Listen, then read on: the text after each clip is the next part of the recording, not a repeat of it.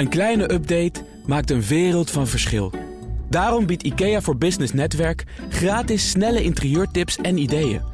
Word gratis lid en laat je werkplek voor je werken. IKEA, een wereld aan ideeën. Een coronavrije werkplek. Dat en meer bespreek ik in het ondernemerspanel. Bestaande uit Quinten Schevernels, oprichter. Nee, oprichter. Dat zou ik niet zeggen. CEO van Funda en investeerder.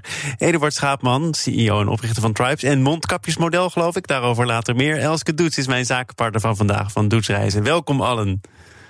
Goedemiddag. En goedemiddag, Elske en Thomas. En ik zie dat jullie je fantastisch gekleed hebben. Elske heeft weer een prachtige ruit aan. En jij hebt een flamingo op je t-shirt. Ja, Nou, die flamingo, daar wil ik verder niet al te veel woorden aan vuil maken. Maar Elske, dit is wel ere wie ere toekomt. Want wat zei jij toen jij binnenkwam hier? Dat ik speciaal voor Eduard een ruitje heb aangedaan. Nou ja, hebben jullie het afgesproken?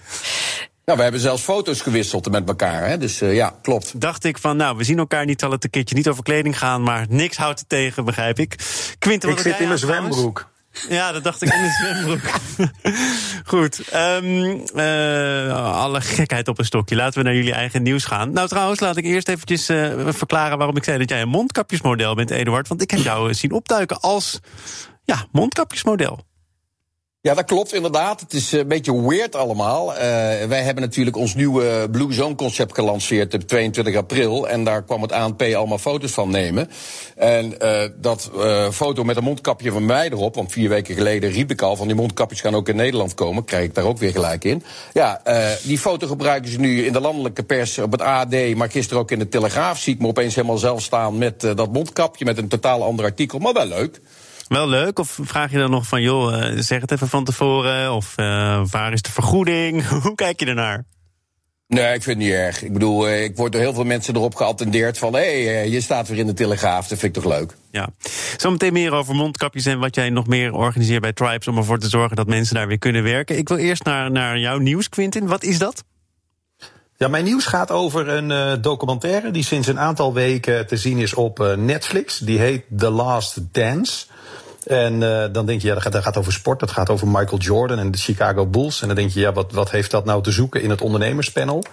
Uh, maar ik herinner me die periode nog heel goed. Ik studeerde, wij gingen s'avonds vaak kijken naar die wedstrijden.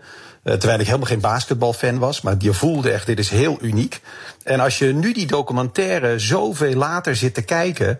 dan geven ze een inkijkje hoe je nou eigenlijk rond zo'n superster... ook een winnend team bouwt, een uniek team.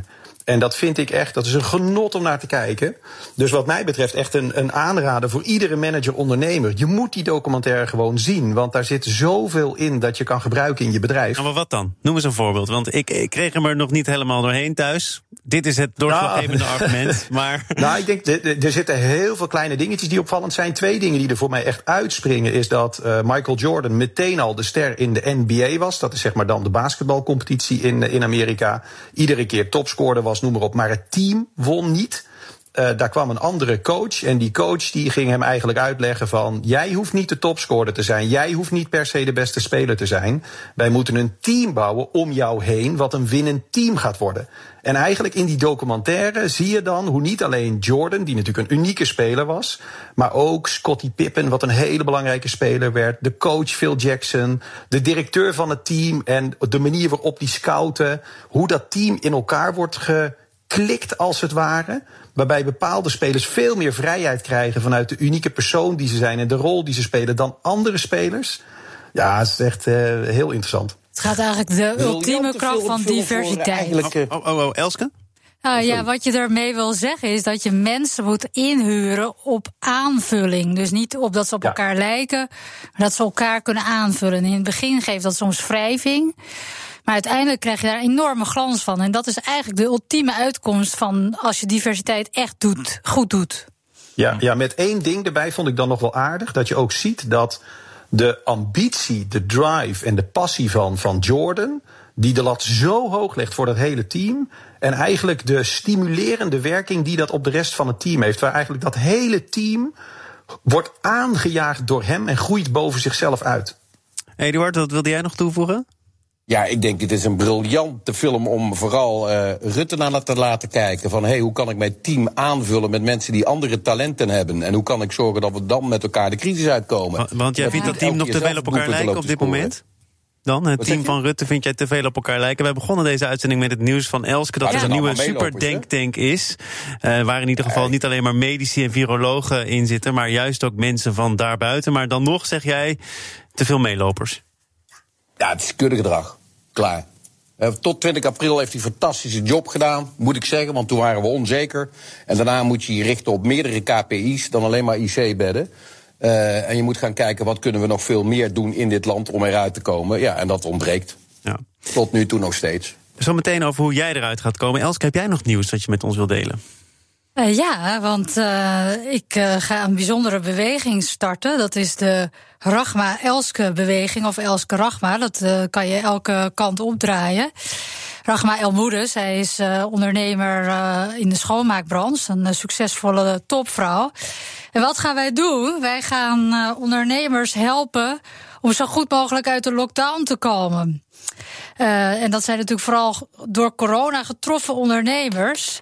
Uh, want ja, corona is genadeloos. Uh, dus het is niet zo dat uh, als jij nou je zaken niet goed op orde hebt, dat je dan getroffen wordt. Iedereen wordt getroffen.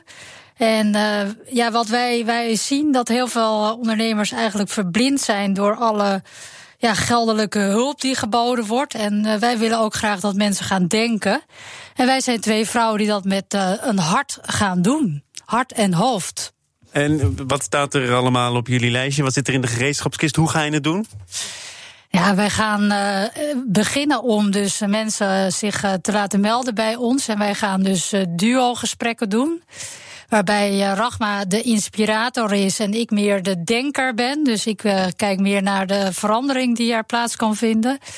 Maar wij willen ook om te beginnen de schaamte weg laten nemen. Want het kan best zijn dat je dus als ondernemer gaat falen. En uh, dat is in Nederland natuurlijk toch een soort stigma op dat je niet mag falen. Dat je niet failliet mag gaan. En dat je, ja, het kan ook zijn dat je jezelf opnieuw moet uitvinden. Denk je dat schaamte nog steeds een hele grote rol speelt, ook als het zo duidelijk is Zeker. waar Er zijn enorm veel ondernemers die ik spreek die echt uh, niet durven te zeggen hoe erg het is, hoe erg hun omzetdaling is. Maar die omzetdaling is volledig te verklaren, toch? Dat is, is dus niet een ze, ze, ze van slecht ondernemerschap. Ja, dat weet ik, maar toch zitten mensen ermee. Dus, uh, dus ja, dus dat gaan wij doen. Dat is best bijzonder. Uh, wij twee vrouwen. En uh, wij hebben dus de handen ineengeslagen om dat dus ja, op een bijzondere manier aan te gaan pakken. En, en het eerste punt is natuurlijk dat mensen zich moeten melden. Toch nog even nu je toch de microfoon hebt. Hoe melden mensen zich?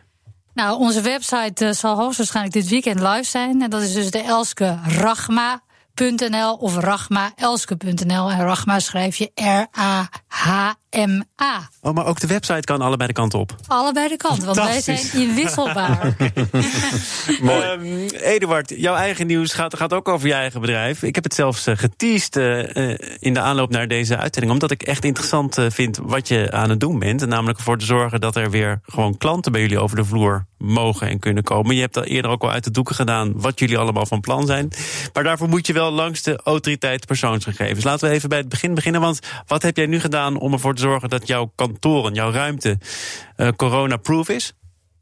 Ja, wij waren ten eerste nooit in lockdown. Wij zijn altijd blijven sporten. Dus we hebben mensen toch nog steeds op kantoor verwelkomd. Wat ik de vorige keer al vertelde, met name ondernemers komen dan op kantoor in een ja, gereguleerd systeem met elkaar. Maar wij hebben uiteindelijk op 20 eh, april aangekondigd van oké, als we dan allemaal gezond weer naar kantoor komen, dan moet dat op deze manier. Niet alleen rekening houdend met uh, routing, anderhalve meter afstand, maar ook met allerlei andere zaken. Dus we noemen het ook juist niet het coronaproefkantoor, maar het Blue Zone Office concept. Waarom? Pardon. We denken aan de totale gezondheid, aan de vitamineboosters, aan de slaapruimtes die er zijn, aan de sportruimtes die er zijn, met de virtuele trainer. Maar we hebben ook bij de ingang staan, inderdaad, een temperatuurmeter. En die meet koorts. Ja, zo kort kun je het uh, samenvatten. Maar wat ik al zei, volgens mij ben jij uh, bij de autoriteit persoonsgegevens geweest. Uh, we hadden net toevallig ook een gesprek over privacy. Waarin ik nog aanhaalde dat Wolfsen van die autoriteit zei: geen Chinese toestanden hier. Heb je ja. dit nu getest en getoetst? Ben je er doorheen? Nou, het is als volgt gegaan. Uh, uiteindelijk heb ik dus al op 20 april dit uh, aangekondigd. Dat is ook breed in de media verschenen. En ik heb het toen al gezegd van ja, ik weet niet of het hier wel of niet mag. Ik mag het wel op mijn vestigingen in Duitsland en in België. Dus ik neem aan dat het ook hier mag. Nou ja, uh, uiteindelijk heb ik toen niets gehoord. Totdat Herman Stilde weer een artikel over Weiden in de Algemeen Dagblad en de, de, de, lokale kranten, de regionale kranten en het Parool. Waarin inderdaad Aleid Wolse werd geciteerd.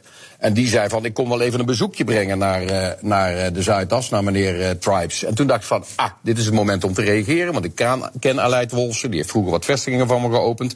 Dus ik heb hem proberen te benaderen. Dat lukte niet. En na zeven telefoontjes kwam ik eindelijk bij een woordvoerder terecht... die mij keurig behandelde. Ik heb een keurige brief gestuurd naar haar... die ze naar Aleid kon overhandigen.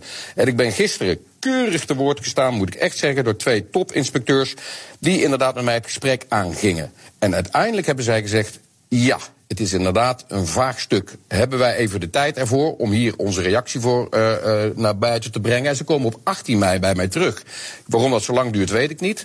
Maar het is natuurlijk wel zo dat in mijn geval is het niet dat ik mijn werknemers check, maar onze bezoekers inderdaad -hmm. de, de, de, vrijheid geeft om uh, voor die camera te lopen en te kijken, ben ik gezond? Zodat iedereen het idee heeft, hé, hey, we zitten in ieder geval bij een heleboel mensen die heel erg gezond zijn. Maar ik begrijp dat uh, het een vaag stuk is, dat zegt nu zelfs die autoriteit, dat jij ook die camera's en de, sommige van die uh, instrumenten die je nodig hebt, dat je die voor de zekerheid maar hebt gehuurd en niet hebt gekocht, omdat je het ook niet helemaal Nee, weet. dat verhaal klopt er niet. Dat verhaal klopt er niet. Ik heb ze gewoon gekocht. Oh, dus je dus gaat er wel vanuit, je gaat er hoe dan ook vanuit dat dit. Uh, nou, heel goed dat je dat er nu even recht zet. Uh, dus je gaat er hoe dan ook vanuit dat dit de modus operandi wordt.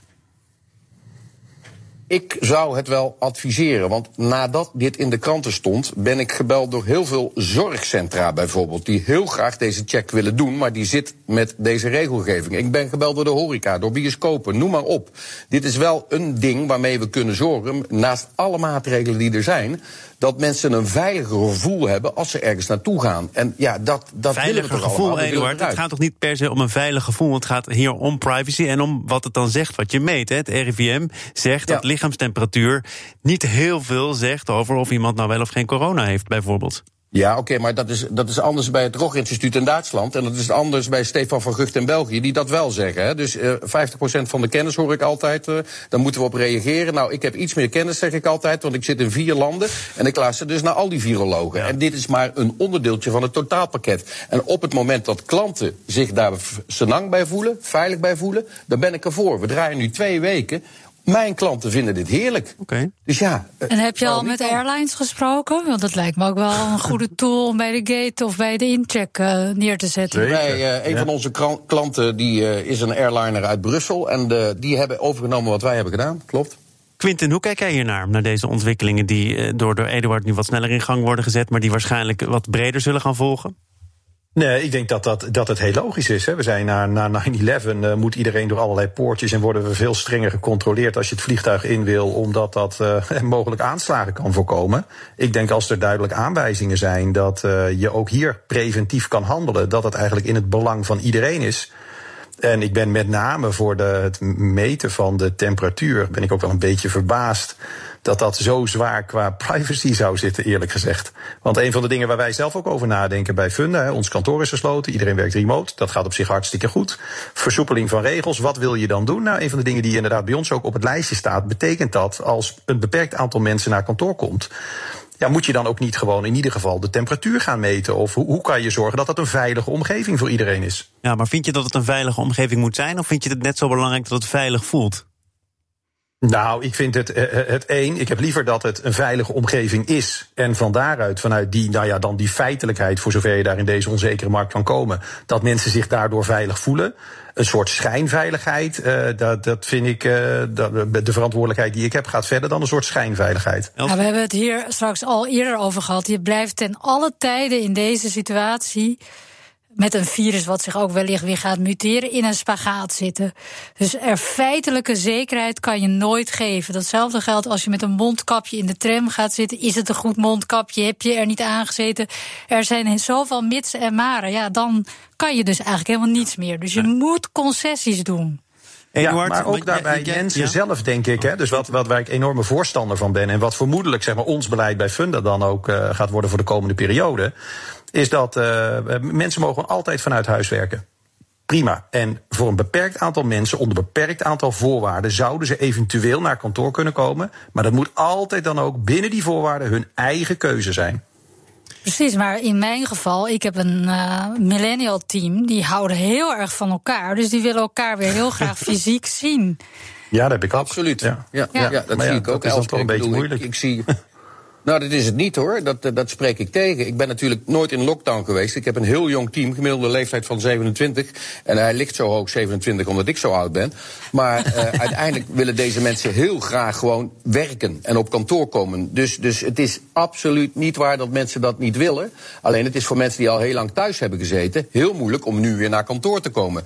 Want we zijn natuurlijk wel allemaal langst aangepraat, laten we eerlijk zijn. Ja, je vindt het aangepraat? Ja. Verklaar je nader? Nou ja, het is gedrag, daar blijf ik bij. Ik bedoel, uiteindelijk uh, zie je dat, dat heel veel mensen heel erg bang zijn geworden. omdat er geen duidelijkheid is. Nou, er is geen duidelijkheid en die zal er voorlopig ook niet komen. Maar als jij je sterk voelt, gezond voelt, goed eet, goed slaapt, goed rust. Uh, goed veel beweegt en sport, dan heb je veel minder kans. Dus Tuurlijk heb je nog kans dat er jou iets overkomt. Maar uiteindelijk, vroeger was het toch ook in oorlog. De sterke schouders staan eronder en kom op, we moeten weer aan het werk gaan. Want iemand moet dadelijk die zorg betalen. En dat zijn alleen de mensen die nu aan het werk gaan. Tot slot over dit onderwerp. Want 18 mei, dat wordt dan een belangrijke dag. Dan krijg je uitsluitel van de autoriteit persoonsgegevens. Eh, gaat het echt voor een belangrijk deel bepalen wat jij wel of niet gaat doen? Of uh, blijf jij hoe dan ook voortgaan op deze manier? Nou, ik leef in een uh, democratie. En als op een gegeven moment de democratie bepaalt dat het niet kan, dan pas ik me inderdaad gewoon aan. Ook al zou ik dat jammer vinden en mijn klanten ook. Maar ik moet wel zeggen, nou, uh, de autoriteit was zeer begripsvol. Uh, op 18 mei heb ik dan dat gesprek. En op 19 mei mag ik bij jullie Nelke komen vertellen wat er van is gebeurd. Is dat zo? Ja. Fantastisch. Nou, dan gaan we op 19 mei allemaal luisteren. Ja. ja. Allemaal, kijk, Eduard, ik zal dan nu maar een bekentenis maken. Nelke is mijn vriendin. Dat meen je niet. Dus ik heb haar getipt. Oh, die kwam via jou? Ja. De tip was via jou? Ja joh, kleine wereld hè. En Nelke en ik, wij komen gewoon op minder dan anderhalve meter afstand van elkaar. Dus die lijntjes zijn kort. Nou, goed. We gaan het hebben over, uh, over iets anders. Uh, namelijk bedrijven die je juist misschien wel begint in crisistijd. Um, er stond een uh, groot stuk in het FD over beginnende ondernemers. Als die een goed verhaal blijken te hebben, dat lijkt me altijd wel een voorwaarde... dan kun je ook nog gewoon financiering ophalen. Quinten, ik wil het daar ook met jou wat, wat uitgebreider over Want jij bent investeerder, je hebt veel kennis over start-ups en wat die nou wel of niet moeten doen, juist in deze periode. Uh, wat, zou, wat, nou, laat ik eerst vragen, hoe gaat het nu met jou als investeerder? Nou, dat is echt, uh, dat gaat alle kanten op. Dus er zitten, ik, ik ben uh, zeg maar, hè, een, uh, dat noemen ze een early stage investeerder. Dus bij hele jonge bedrijfjes met een heel hoog risicoprofiel. En als ik dan kijk naar de bedrijfjes waar ik geïnvesteerd heb, dat zijn er in totaal zo'n, nou, iets boven de 30. En daar zitten er een paar bij die zijn heel actief in, in de reisbranche. Ja, dat is echt gewoon, daar is helemaal geen business meer. Dus dat valt helemaal dood. Dus dat is echt een, een strijd op leven en dood. Hè. Hoe, hoeveel tijd kunnen we nog winnen? Dat noemen ze dan boots qua kosten. Maar er zitten er ook een paar bij die juist in deze markt heel erg goed gaan. Omdat er in keer veel meer vraag is naar hun producten. Dus ik, ik zie echt. Uh, uh, zwart en wit, zeg maar. En, voor en, me. en hoe, hoe, hoe, hoe doe je dat mentaal dan? Uh, weet jij dat dit gewoon bij het spel hoort? Of zit je de ene keer wat beter in de wedstrijd dan de andere keer? Nou, nee, zo extreem heb ik het natuurlijk ook nooit meegemaakt. Alleen, uh, ja, als jij in een markt zit die er gewoon nu even niet meer is, dan, ja, dan kan je op je kop staan. Maar dan is het gewoon, uh, dat, dat is heel erg ingewikkeld. Dat, dat kan je niet zoveel. Dus dan, dan probeer je een beetje te helpen. Maar dat is natuurlijk een hele moeilijke situatie. Ik denk meer terug naar, naar jouw punt, hè, van, van starten in een hele moeilijke tijd. Ik denk dat we niet moeten vergeten dat uh, de investeerders in Nederland, met name de, de venture capital partijen, hebben ongelooflijk veel geld beschikbaar. Die hebben de afgelopen jaren hele grote fondsen opgehaald. Waarvan heel veel geld nog helemaal niet aan het werk is, nog in die fondsen zit. Ja. Uiteindelijk moet dat geld gaan werken. En ik ben er wel, uiteraard is men nu veel kritischer. Maar ik ben ervan overtuigd dat er uh, juist voor start-ups, voor wie deze markt aantrekkelijk is en voor goede teams. Ja, daar is echt wel geld voor beschikbaar. Maar je moet er wel. Ja, dat, dat uh, ja, wordt van koren. Oh, oh, Eduard spreekt het weer eens tegen. Ja, natuurlijk, natuurlijk. Je zit natuurlijk ook in deze markt. En ik heb zelf ook een grote partij die achter ons zit. En ik zie wat er in hun portfolio gebeurt. Het is toch uh, ongeveer de nummer 1 in private equity in de wereld. Brookfield uh, Oaktree Capital. Dus uh, die zijn met name ook aan het kijken van jeetjes, hoeveel geld hebben we op de plank zitten? Want er zijn heel veel bedrijven die ondersteund moeten worden en recht overeind moeten worden gehouden. Ik ben zelf op zoek naar een investering in Juna, de fantastische vendingmachine die wij hier hebben staan. En ik ben dus nu al een rondje aan het doen. En dit is dus een van die start-ups die nu echt iets gaat doen. Maar het is verdraaid moeilijk om nu geld op te halen met een heel gedegen plan. En ik, heb, ik ken die wereld vrij goed, want ik heb zelf al een paar keer rondjes op moeten halen, links en rechts. Nou, de meeste Nederlanders doen sowieso weinig. Er zijn er een paar die wat doen. Peak Capital doet wat. Maar de meeste Nederlanders doen niet en roepen: wacht, kom maar terug naar die coronatijd. Daar gaan we wel weer kijken. Quinten, dit is een heel ja, Maar mijn punt, Eduard, mijn punt is: het geld is er wel. Het is niet een gebrek aan geld. Dus er wordt een beetje in de media af en toe gezegd: ja, er is te weinig geld. Er moet ook meer geld van de overheid daar naartoe. De venture capital firms in Nederland hebben allemaal heel veel fondsen beschikbaar. Ja, alleen en of ze dat dan durven te investeren en of ze dat doen, dat is een tweede vraag. Maar het geld is beschikbaar. Het geld is beschikbaar. Maar ja, goed, als je dan verder kijkt wat de overheid doet aan de start-up en scale-ups. Ik bedoel, uh, cultuur zegt, oh, we hebben maar 300 miljoen. Start-up en scale-ups, die krijgen 100 miljoen. En alleen kredietverlening. En kunnen allemaal niet gebruik maken van dat noodfonds. Heel ingewikkeld, maar Elske gaat die ja, Ik ga nu eventjes uh, weg van dat geld. Want oh. dat geloof ik allemaal wel. Maar het gaat even om die mindset. Als je als ondernemer start in een situatie zoals nu. Dat is de beste periode om te starten. Want dan is eigenlijk alles wat daarna komt makkelijk. Dus uh, als je nu succesvol kan zijn, dan kan je daarna alleen maar uitrusten. We gaan, we gaan de, de, heren en dames, we gaan allemaal uitrusten. Althans, de mensen die betrokken waren bij dit programma. Want uh, het einde is in zicht van deze uitzending. Uh, Eduard Schaapman, CEO en oprichter van Tribes. Binnenkort te horen in het programma Werkverkenners. Gemaakt door mijn vriendin Nelleke. En gepresenteerd door Rens de Jong. Quintus Schevernels, CEO van Funda en investeerder. Uh, en mijn zakenpartner van vandaag. Elske Doets van Doets Reizen. Fijn dat je er was. En succes met jullie nieuwe initiatief. Maandag dan is er weer een uh, nieuwe uitzending van BNR Zaken doen. Dan is Eugène Sterke van Arend te gast. De kantoorinrichter. De kantoren zijn leeg.